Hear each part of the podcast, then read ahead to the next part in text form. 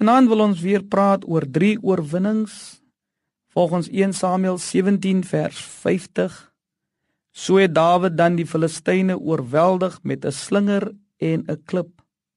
Dawid het 'n klinkende oorwinning daardie dag behaal oor drie vyande.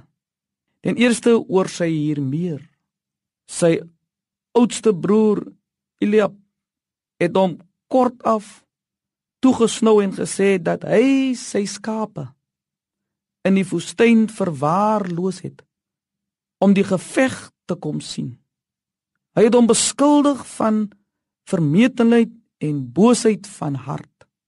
Dit lyk of Eliab se gewete hom gepla het. Hy was bang om die reus Goliat aan te durf. Vir daan een het hulle die uitdaging van die Filistyne aangehoor. Maar nie een van hulle het 'n vinger verroer nie. Nou het hy lig gegee aan sy skuld besef en sy vernyn op die jonger broer gehoop. Dawid was egter baas van sy emeer. En daarom van die situasie. Hy, hy het nie kwaad geword nie. Wat het ek nou gedoen? Ek vra maar net sê hy.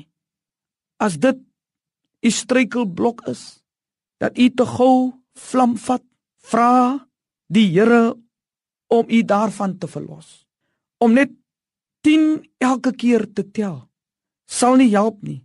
U moet innerlik 'n oorwinning hê.